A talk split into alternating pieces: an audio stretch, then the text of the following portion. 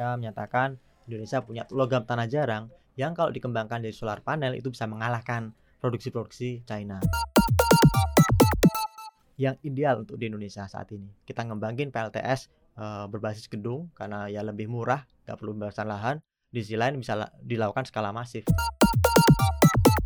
Percuma kita bikin baterai gede kalau ya memang diekspor sementara di kita masih bergantung pada fosil itu kan jadi ironi. Koneksi konten ekonomi seksi. Halo Sobat Cuan, apa kabar? Balik lagi di Koneksi, konten ekonomi seksi bersama saya Anak Wijaya dan juga ada di sini Safira Wardoyo. Wow, dan ada Argun di sini. Arif Gunawan, Head of Research CNBC Indonesia. Wah, seru wow. banget nih. Tentunya kali ini kita bakal ngomongin topik yang paling menarik di dunia, apalagi sih yang menarik di dunia selain cuan.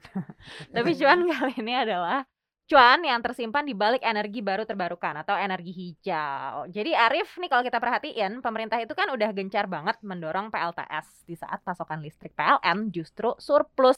Nah, jadi yang bikin ini membingungkan karena solar panel itu mayoritas adalah buatan China. Jadi artinya dengan adanya target EBT 23% di 2025, berarti yang diuntungkan ini adalah China dong ya? Bentar-bentar. Ini artinya China lagi, China lagi gitu ya. Garis bawah ya. ya, tetapi itu udah keniscayaan gitu. Karena selama ini dalam 10 tahun terakhir memang Cina ini Safira, Sobat hmm. dan Aneke mereka tuh paling gede-gedean investasinya untuk mengembangkan energi terbarukan dalam hal ini solar panel atau panel surya. Hmm. Jadi uh, kalau kita bandingkan dengan Amerika misalnya Amerika waktu pada masa Trump lima tahun itu kan mereka menghentikan ekspansi di energi terbarukan atau tidak didorong sama pemerintah. Nah Cina selama lima tahun itu mereka mendorong terus gitu dan sekarang mungkin bisa dibilang mereka lagi panen gitu dari investasi yang mereka tanamkan. Dulunya itu ada perusahaan produsen solar panel terbesar namanya Sun uh, Power itu di Amerika Serikat. Uh, itu kapasitas produksinya itu uh, tahun 2014 tuh sekitar uh, 2 gigawatt.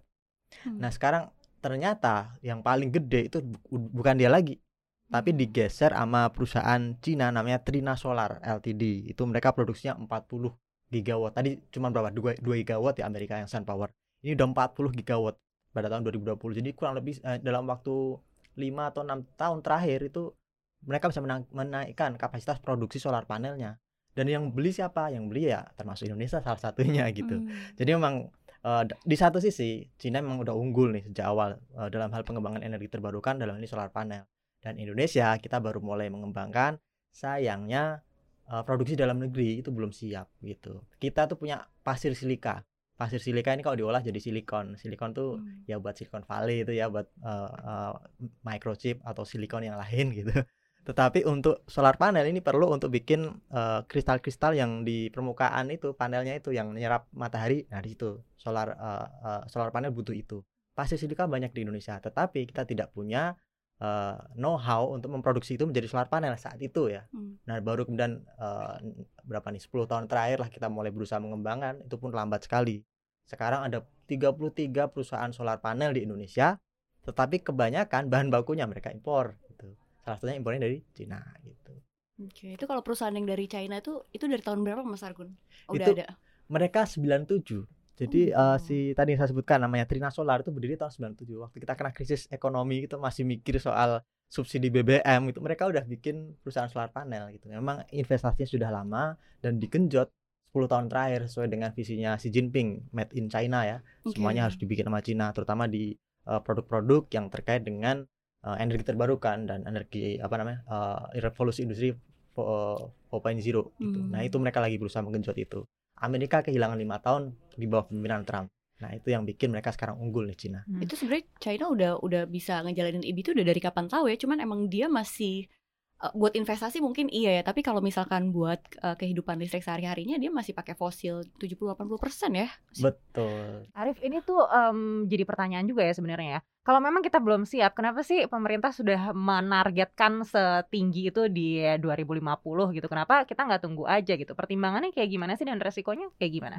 Ini pertimbangan apa, apa namanya global sih ya apa jadi dorongan hmm. global juga kan kita ada kesepakatan Paris tahun 2015 gitu ya. Mereka pemimpin dunia ngumpul terus menargetkan nanti uh, suhu dunia tidak boleh lebih dari satu setengah derajat celcius. Nah salah satu caranya ya ini dengan ngembangin energi terbarukan. Mau tidak mau akhirnya kita harus ikutan gitu ya.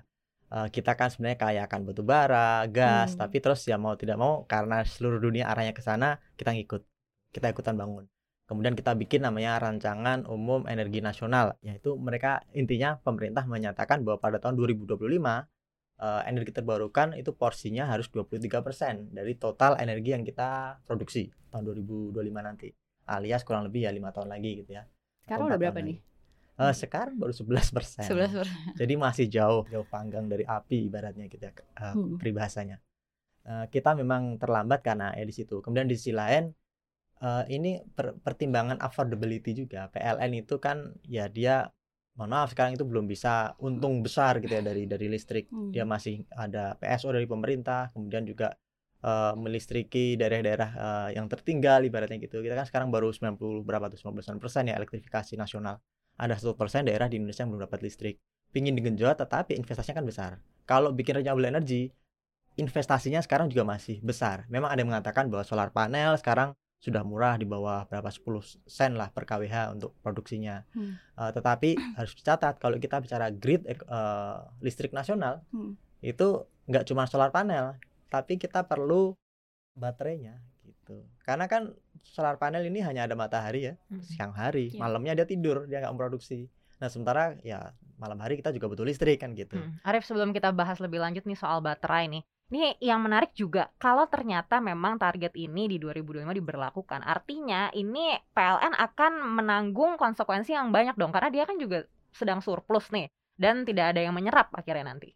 ya memang pada saat ini eh, kondisinya surplus karena apa pandemi gitu ya jadi semua aktivitas produksi yang tadinya bisa 100% sekarang dikurangi kapasitas pabrik kantor dan ya mungkin rumah tangga yang naik karena kita sering BF, BFH gitu ya Eh, tetapi harus dicatat bahwa kebutuhan listrik itu punya hanya setahun doang. Ketika nanti kondisinya sudah normal lagi dalam satu atau dua tahun ke depan semestinya permintaan energi akan bertambah.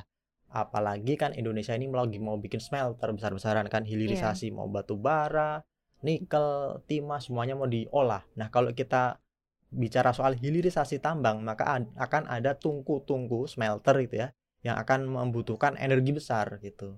Nah energi besar itu ya memang harus dipasok sama PLN Nah, salah satunya gitu. Nah itu yang harus diantisipasi. Jadi memang saat ini kita masih melihat surplus di PLN tapi dua tahun ke depan bisa jadi eh, akan ada kebutuhan eh, yang sangat besar mm, berapa ser- 1000 2000 megawatt gitu ya perlu tambahan rata-rata per tahun. Kalau kita mengasumsikan pertumbuhan ekonomi 6% tiap tahunnya. Nah itu kan kebutuhan yang besar. Memang bisa diatasi dengan ya batu bara tetapi ya persoalan global ini Paris Agreement ini memaksa kita harus mulai eh, memperbaiki tingkat bauran energi kita energi energi terbarukannya. Ditambahlah itu eh, solar panel atau kemudian eh, pembangkit eh, listrik tenaga bayu. Dan sayangnya mau ngomongin PLTB maupun solar panel produsen utamanya emang dari China. Mereka memiliki keunggulan di sana. Jadi memang mereka untung itu wajar. Karena mereka bisa menjual produksi eh, menjual apa namanya alat-alat tadi kebutuhan untuk energi terbarukan dengan harga lebih murah dibandingkan kompetitor yang di Amerika Hmm, Tapi terlepas dari harga Spanyol. nih Arif, risikonya apa sih kalau kita tuh terlalu bergantung sama China begitu ya? Apakah nanti kalau terjadi sesuatu ini China bisa juga nanti akan Taking over. Iya, taking Indo. over sumber listrik kita dan ini kan bahaya sekali kan kalau memang itu sampai terjadi kan kita tidak Iya. tahu agenda politik dia ke depan seperti Iya. apa. Ya memang agenda Cina dia pingin eh, terdepan dan men- mendominasi gitu ya Hmm. eh, perkembangan teknologi. Karena gini kalau semua produksi pesawat misalnya pesawat tempur gitu produksinya China dan itu banyak dipakai banyak negara, ya maka mereka akan bergantung pada suku cadang ke China. Ini contohnya alat tempur. Jadi kalau ada negara yang beli alutsista dari satu perusahaan satu negara A, Amerika maupun Cina, ya mereka akan bergantung pada negara tersebut untuk suku cadang dan lain-lain kalau kita berani macam-macam melawan kepentingan mereka, ya mereka akan menyetop pasokan suku cadang itu. Ini untuk kasus militer itu sangat strategis. Tapi kalau untuk listrik ini ya memang eh, kita melihat di Indonesia belum strategis seperti alat militer. Artinya kalaupun kita banyak beli produk-produk China, tapi ya memang suku cadangnya masih bisa diambil dari yang lain-lain karena eh, dominasi Cina dalam hal ini hanya dari sisi keunggulan produksi massal bukan sampai teknologi yang tidak bisa dikejar oleh negara lain. Teknologinya sih sosok sama-sama. ada monokristalin, polikristalin kalau kita bicara solar PV ya. Dan itu ya semua negara memiliki know-how untuk untuk menggarap itu. Cuman dalam skala komersil seperti apa? Nah, Cina yang paling paling bisa. Dan memang ini berkat insentif dari pemerintah mereka. Mereka memang benar-benar bangun pembangkit listrik tenaga surya terbesar kedua sih di dunia. Tadinya yang pertama, tapi kemudian kalah sama India. Jadi mereka itu bikin ada pembangkit listrik solar panel di nama namanya itu tong, Tengger. Bukan Tengger yang di ini ya, Hmm. di mana itu Lau atau di mana itu. Tapi Tengger Solar Park itu di Jiangxi di di Gurun di sana. Hmm. Dan itu luasnya itu 50, du- 52 km persegi. Itu dipakai untuk solar panel. Nah, 52 km persegi itu sebagai gambaran ya coba cuan uh, Jakarta Pusat itu uh, luasnya cuma 52 kilo 51-an kilometer persegi. Jadi ibaratnya kalau Cina itu bikin solar panel seluas itu, Jakarta Pusat itu ditutup sama solar panel. Segede itulah yang dibikin. Karena apa? Mereka punya gurun yang sangat luas. Nah, gurun itu yang dipakai untuk uh, ladang solar panel. Indonesia kalau mau Kita nyusul juga ke punya gurun kan di Jogja. Cukup nggak tuh Mas Arif? Iya memang kalau kita di tropis kan gurunnya terbatas, nggak seperti di negara negara-negara yang di atas itu subtropis. Ya kele- kelemahan kita di solar panel di sana, kita tidak memiliki cukup lahan untuk eh, jadi ladang solar panel. Kalau mau bikin bisa, tapi pembebasan lahannya mahal karena kita akan gusur kebun orang, gusur apa fasilitas umum dan sebagainya. Dan atau hutan yang kita pakai itu kan malah buruk buat lingkungan. Paling ideal di Indonesia ya kita bikin solar panel yang hibrida di eh, garis pantai. Garis Hmm. pantai kita kan termasuk yang terluas di dunia setelah Kanada ya.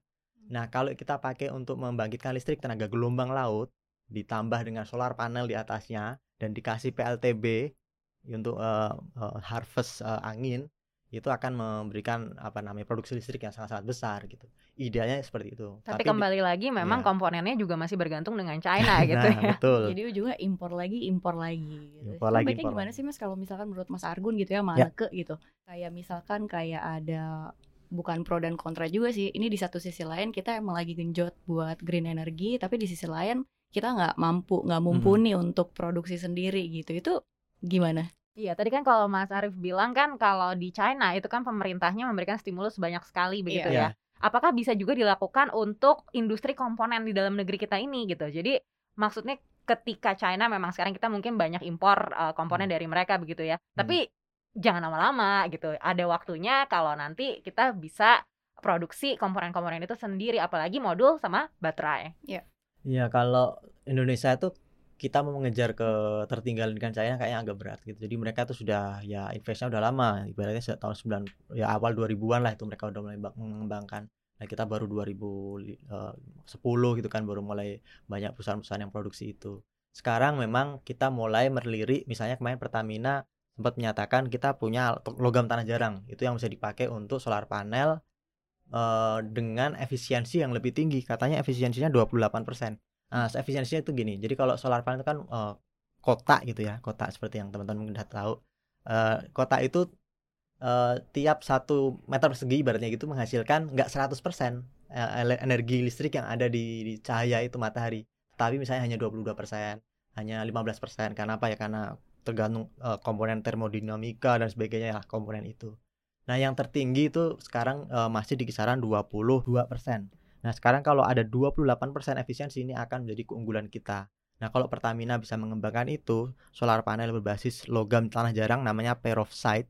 Nah, kita bisa tuh ngung- ngunggulin Cina Hmm. dari sisi teknologi ya. Tetapi kemudian ketika kita produksi itu, Pertamina memproduksi gitu misalnya, harganya bagaimana? Kalau harganya masih terlalu mahal karena kita ada faktor ya banyak lah ya eh, yang high cost ekonomi di Indonesia ya akan percuma juga. Maka idealnya yang harus dilakukan pemerintah memang kalau ingin industri negara eh, Indonesia eh, negeri industri domestik berkembang ya mau tidak mau memang mekanisme tarif diberlakukan gitu.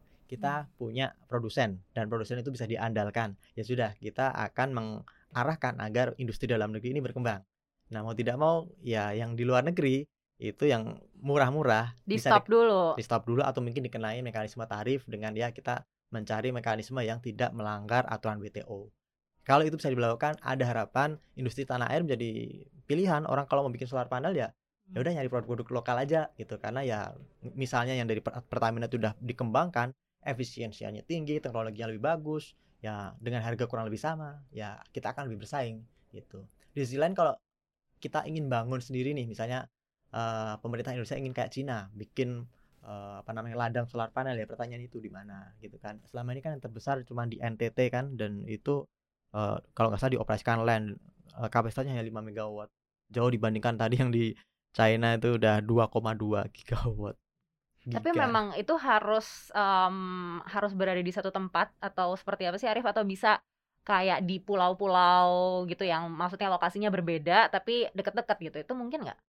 Solar panel ini sebenarnya lebih cocok untuk daerah ter- daerah yang terpencil, tertinggal eh, bukan tertinggal ya, terpencil lah, remote areas. Jadi kalau ada pulau-pulau di luar gitu kan, Pulau Seribu itu kan banyak tuh yang eh, di, Yang tidak berpenghuni gitu tidak ya. berpenghuni misalnya dan ada eh, resort di, di situ di dalamnya, ya mereka bisa mengembangkan solar panel, cocok banget gitu. Karena ya diangkutnya mudah, kemudian dibangunnya juga relatif mudah, maintenance-nya juga relatif mudah, hanya baterainya yang masih mahal. Nah, kalau PLN ingin mengembangkan itu memang cocoknya ditaruh di daerah-daerah terpencil. Eh, yang penting penduduk dikasih tahu cara perawatannya saja. Kalau misalnya ingin di daerah-daerah eh, kota besar ya paling ideal itu menggunakan atap gedung. Jadi kalau kita mau pembebasan lahan mahal, ya sudah masyarakat kan punya atap nih, atapnya nggak pernah nggak pada kepake kan. Nah itu yang dimanfaatkan mau di perumahan atau di gedung-gedung perkantoran dan kemudian nanti mekanismenya ya itu ekspor impor listrik yang sekarang sudah berlaku dan ya alhamdulillah harganya sudah 100% gitu. Jadi 100 eh, PLN akan misalnya produksi kita berlebihan dan kita kemudian ekspor ke PLN ke gridnya PLN maka kita akan dibayar 100% dari harga misalnya 10 sen misalnya per kWh. Nah itu yang ideal untuk di Indonesia saat ini. Kita ngembangin PLTS eh, berbasis gedung karena ya lebih murah, nggak perlu pembebasan lahan. Di sisi lain bisa la- dilakukan skala masif. Tapi ya tadi eh, saya pikir eh, PR-nya masih di produksinya. Dalam negeri siap nggak? 33 eh, produsen itu sampai sekarang ya yang pakai bahan baku lokal tuh nggak banyak. Banyak kan masih impor bahan bakunya. Risikonya tuh apa sih Arif sebenarnya kalau ada pengusaha nih yang mau mengembangkan industri ini begitu? Ya. Apakah em, selain masalah bahan baku tadi ya ada risiko lain nggak sih? Permainan harga nggak sih mas? Permain harga risikonya ya paling justru demand-nya yang belum besar. Itu. Hmm. Sekarang eh, tanyalah 10 orang di sekitar kita, apakah mereka berminat untuk bikin solar panel? Saya yakin hampir 9 lah, 9 ke atas, 9 atau 10 itu nggak berminat gitu. Karena apa? Listrik yang sudah ada sekarang yang masih affordable, masih terjangkau. Beda dengan kasusnya di Eropa. Eropa itu dulu juga pakai pakai ya fosil juga, mereka pakai batu eh, batu bara dan lain sebagainya. Tetapi kemudian sekarang sudah makin jang, eh, langka, jarang, makanya mereka bikin eh, apa namanya grid-grid sendiri pembangkit listrik eh, energi terbarukan di Australia misalnya banyak yang sekarang pakai energi terbarukan solar panel di kawasan perumahan gitu Tapi ini menarik ya sebenarnya Arif. Nih, Ya. Safira coba kalau gue tanya ya sama Hmm. lo, lo mau nggak sih suatu hari gitu bikin so- eh, apa solar panel sendiri dengan janji kalau lo nggak perlu bayar listrik lagi selama 30 tahun ke depan. Itu mungkin kan berarti? Kayaknya itu emang cita-cita banget ya. Tapi kalau misalkan dilihat di Indonesia paling mentok mungkin gue bakalan mix. Jadi gue tetap pakai PLN juga, tapi gue mungkin Mhm. bakal pasang juga tuh eh, solar panel di atap. Karena kalau kita lihat PLN sekarang Arif kan sering banget mati lampu tanpa pemberitahuan Iya. gitu ya.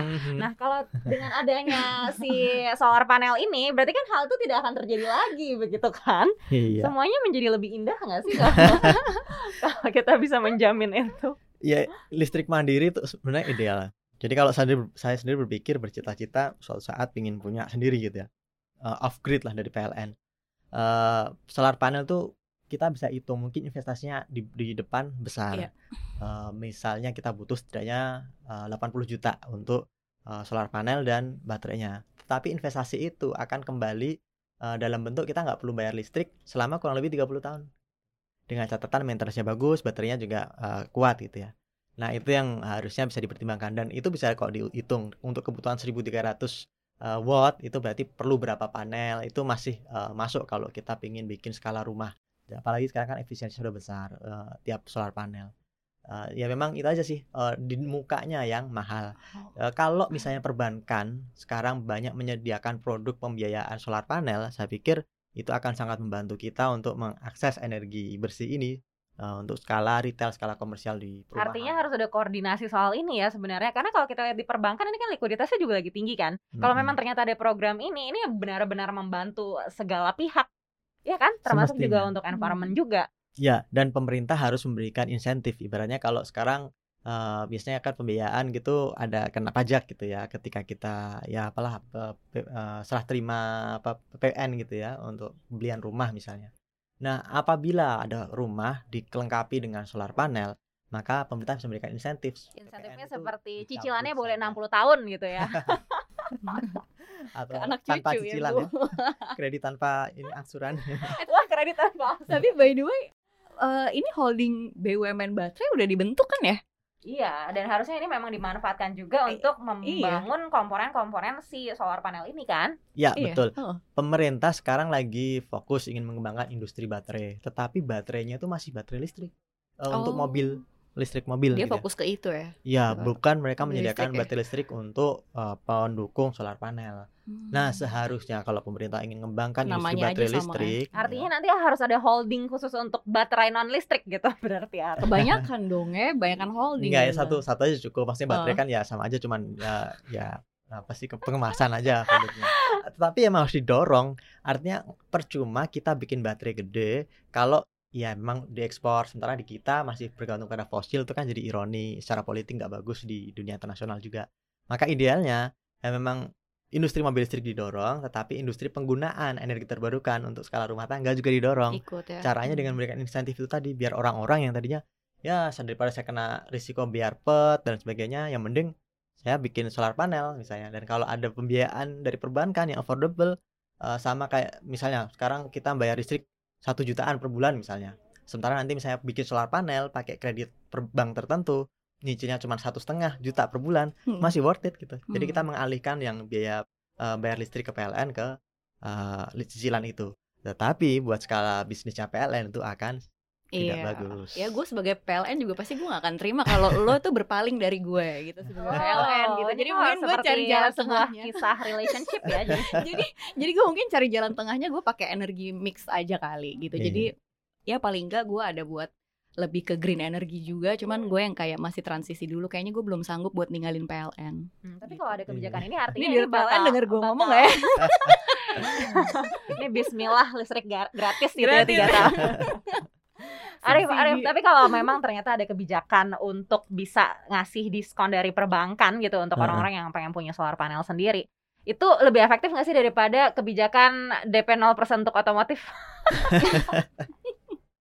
ya, menurut saya lebih bermanfaat itu eh, energi terbarukan itu. Karena DP 0% untuk otomotif ya Kayak terakhir tahun ini deh.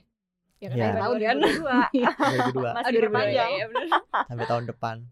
Ya itu membantu orang untuk ya punya mobil oke lah, tetapi untuk struktur energi ya akan membuat kita berat karena Hmm. otomatis nanti mobilnya kan mobil berbasis BBM. BBM kita masih impor. Pemerintah ada yang pusing lagi ketika konsumsi BBM meningkat. Kecuali DP-nya itu sudah ber, udah disa- eh, disediakan untuk mobil listrik misalnya kayak gitu. Tapi mobil listriknya belum ada. Sekarang sudah ada beberapa Iya, Tesla. pabrikan ya Tesla, ya. Hyundai mereka udah mulai ada. Pabrikannya belum ada di sini tapi barangnya impor gitu. Iya. Perlu didorong sih di di sini. Artinya mobil listrik, kemudian eh, listriknya sumbernya pun energi terbarukan. Itu idealnya seperti itu. Tetapi kalau kita bicara skala komersial bisnis yang besar untuk PLN tidak semudah itu. Artinya ngapain misalnya saya PLN nih, ngapain saya bikin pembangkit listrik tenaga surya atau tenaga angin yang tidak reliable Hmm. gitu untuk grid nasional sementara ongkos investasinya mahal sementara saya hanya pakai untuk eh, melistriki eh, apa namanya daerah-daerah tertinggal gitu yang Hmm. ya mereka pun dapat subsidi dari pemerintah gitu kecuali udah permintaan listriknya sangat-sangat tinggi sehingga PLN sudah pakai batu bara seluruh Indonesia masih kurang baru kita bicara energi terbarukan bisa menjadi penyelamat di situ gitu. Oke, sebenarnya menarik banget sih kalau em, akhirnya pemerintah nih juga mikirin dari sisi PLN tuh seperti apa begitu ya. Mungkin juga ada pengalihan bisnis begitu untuk menyelamatkan gimana nih caranya transisi energi ini. Iya. Tapi gue percaya sih PLN eh, ujung-ujungnya dia bakal pelan-pelan juga dia trans lebih transisi ke sini sebagai emang buat eh, apa ya yang dari dulu emang udah pem- memberikan daya listrik ke seluruh Indonesia gitu kayaknya dia bakal transisi deh mau nggak mau Iya, gitu iya. Dan harusnya memang ini kan disiapkan dari sekarang ya Arif. Karena kalau melihat memang eh, sudah ada banyak perjanjian juga gitu kalau PLN belum melakukan apa-apa ini kan juga menjadi kesalahan untuk waktu yang panjang. Karena kalau kita dengar uh, Amerika dan China tadi Arif bilang ini kan juga mereka keti- ketinggalan lima tahun. Jangan sampai ini yang terjadi sama PLN juga gitu. Iya, jangan sampai kita kemudian eh, nggak bisa memiliki kemampuan untuk mengejar ketertinggalan itu. Artinya memang ya mereka sudah duluan, tetapi kita juga harus memikirkan pada sisi mana kita bisa mengejar ketertinggalan itu. Misalnya kayak eh, Pertamina tadi kan mereka menyatakan Indonesia punya logam tanah jarang yang kalau dikembangkan dari solar panel itu bisa mengalahkan produksi-produksi China. Nah itu yang harusnya difokuskan oleh pemerintah. Eh, siapa nih yang di Kementerian SDM harusnya sudah memikirkan ke sana dan PLN punya kepentingan besar juga di sini. Kalau perlu PLN juga ya misalnya sekarang ini eh, ada apa namanya ketimpangan gitu ya, ketimpangan permintaan listrik. Jadi permintaan listrik itu kan kebanyakan di Jawa. Tetapi eh, pembangkit listrik eh, batu bara terutama itu tuh banyak di luar Jawa. Nah, seandainya nanti batu bara sudah habis nih di luar Jawa, ya otomatis ketimpangan itu nggak akan menolong lagi. Batu bara udah habis, yang masuk dari mana? Maka mau tidak mau pembangkit listrik tenaga energi terbarukan yang ada yang bisa dikembangkan di Jawa, ya harusnya dikembangkan karena emang permintaannya tinggi di sini, supply-nya harusnya ada di sini juga. Karena kalau kita distribusi listrik jauh dari Kalimantan, dari Sumatera itu kan ada eh, ada yang loss juga listriknya. Nah, kerugian itu juga harusnya dihitung. Ke depan harusnya eh, energi terbarukan dimanfaatkan untuk melistriki Jawa, tetapi dengan skema yang eh, visible. Misalnya ya listrik rumah tangga. Kalau misalnya solar panelnya murah dan PLN ya terlibat di situ, ya itu akan sangat eh, ek- eh, ekonomis buat mereka pada akhirnya.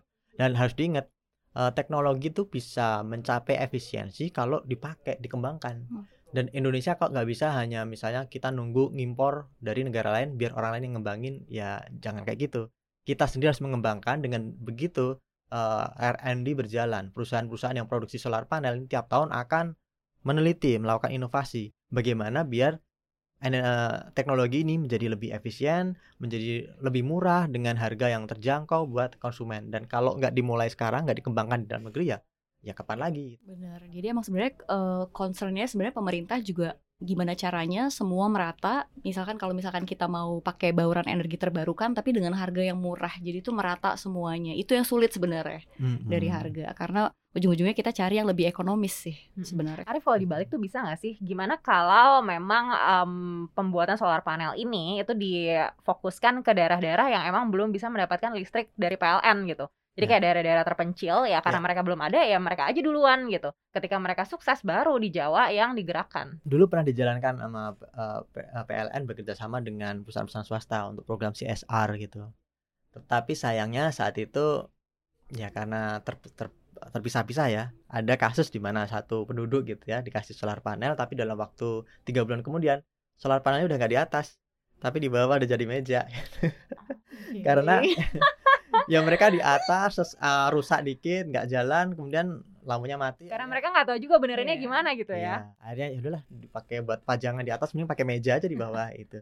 Nah, kayak gini tuh jangan sampai uh, terulang lagi. Artinya memang kalau kita bicara idealnya tadi uh, energi terbarukan ini cocok kalau di uh, daerah terpencil. Tetapi dengan catatan warga itu harus diberdayakan, harus ngerti cara efisiensinya Hmm. atau ketika mereka mencari spare partnya itu ada gampang. Kalau enggak ya kayak gitu.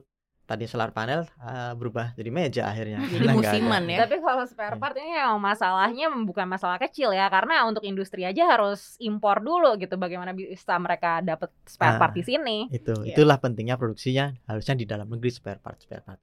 Iya, ini ya yang mungkin harus diperhatikan juga oleh semua pihak gitu ya termasuk juga regulator, juga pemerintah, juga pengusaha gitu. Kalau ternyata ada peluang juga loh sebenarnya di balik dari eh, energi baru terbarukan ini dan kita juga pengen tahu ya gimana sobat cuan mau nggak sih kira-kira untuk invest 80 juta ya tadi Arif ya tapi Sekitar. dengan janji mungkin 30 tahun ke depan nggak perlu bayar listrik. Kalau emang kalian pengen, tolong komen ya di YouTube channel kita di cuap-cuap cuan. Jangan lupa dengarkan selalu podcast cuap-cuap cuan di Spotify, Apple Podcast, Google Podcast, dan juga follow Instagram kita di mana sah? Di @cuap underscore cuan. Terus jangan lupa komen apa pun yang mau dibahas. Ntar kita kupas tuntas tentunya. Oke Like deh. Sekali lagi terima kasih Arif dan Safira Thank udah di sini dan terima Mas kasih sobat cuan udah dengerin kita. Sekali lagi ya, uh, gue Anaka Wijaya. Aku Vira. Dan saya Argun. Salam cuan selalu. Bye. Bye.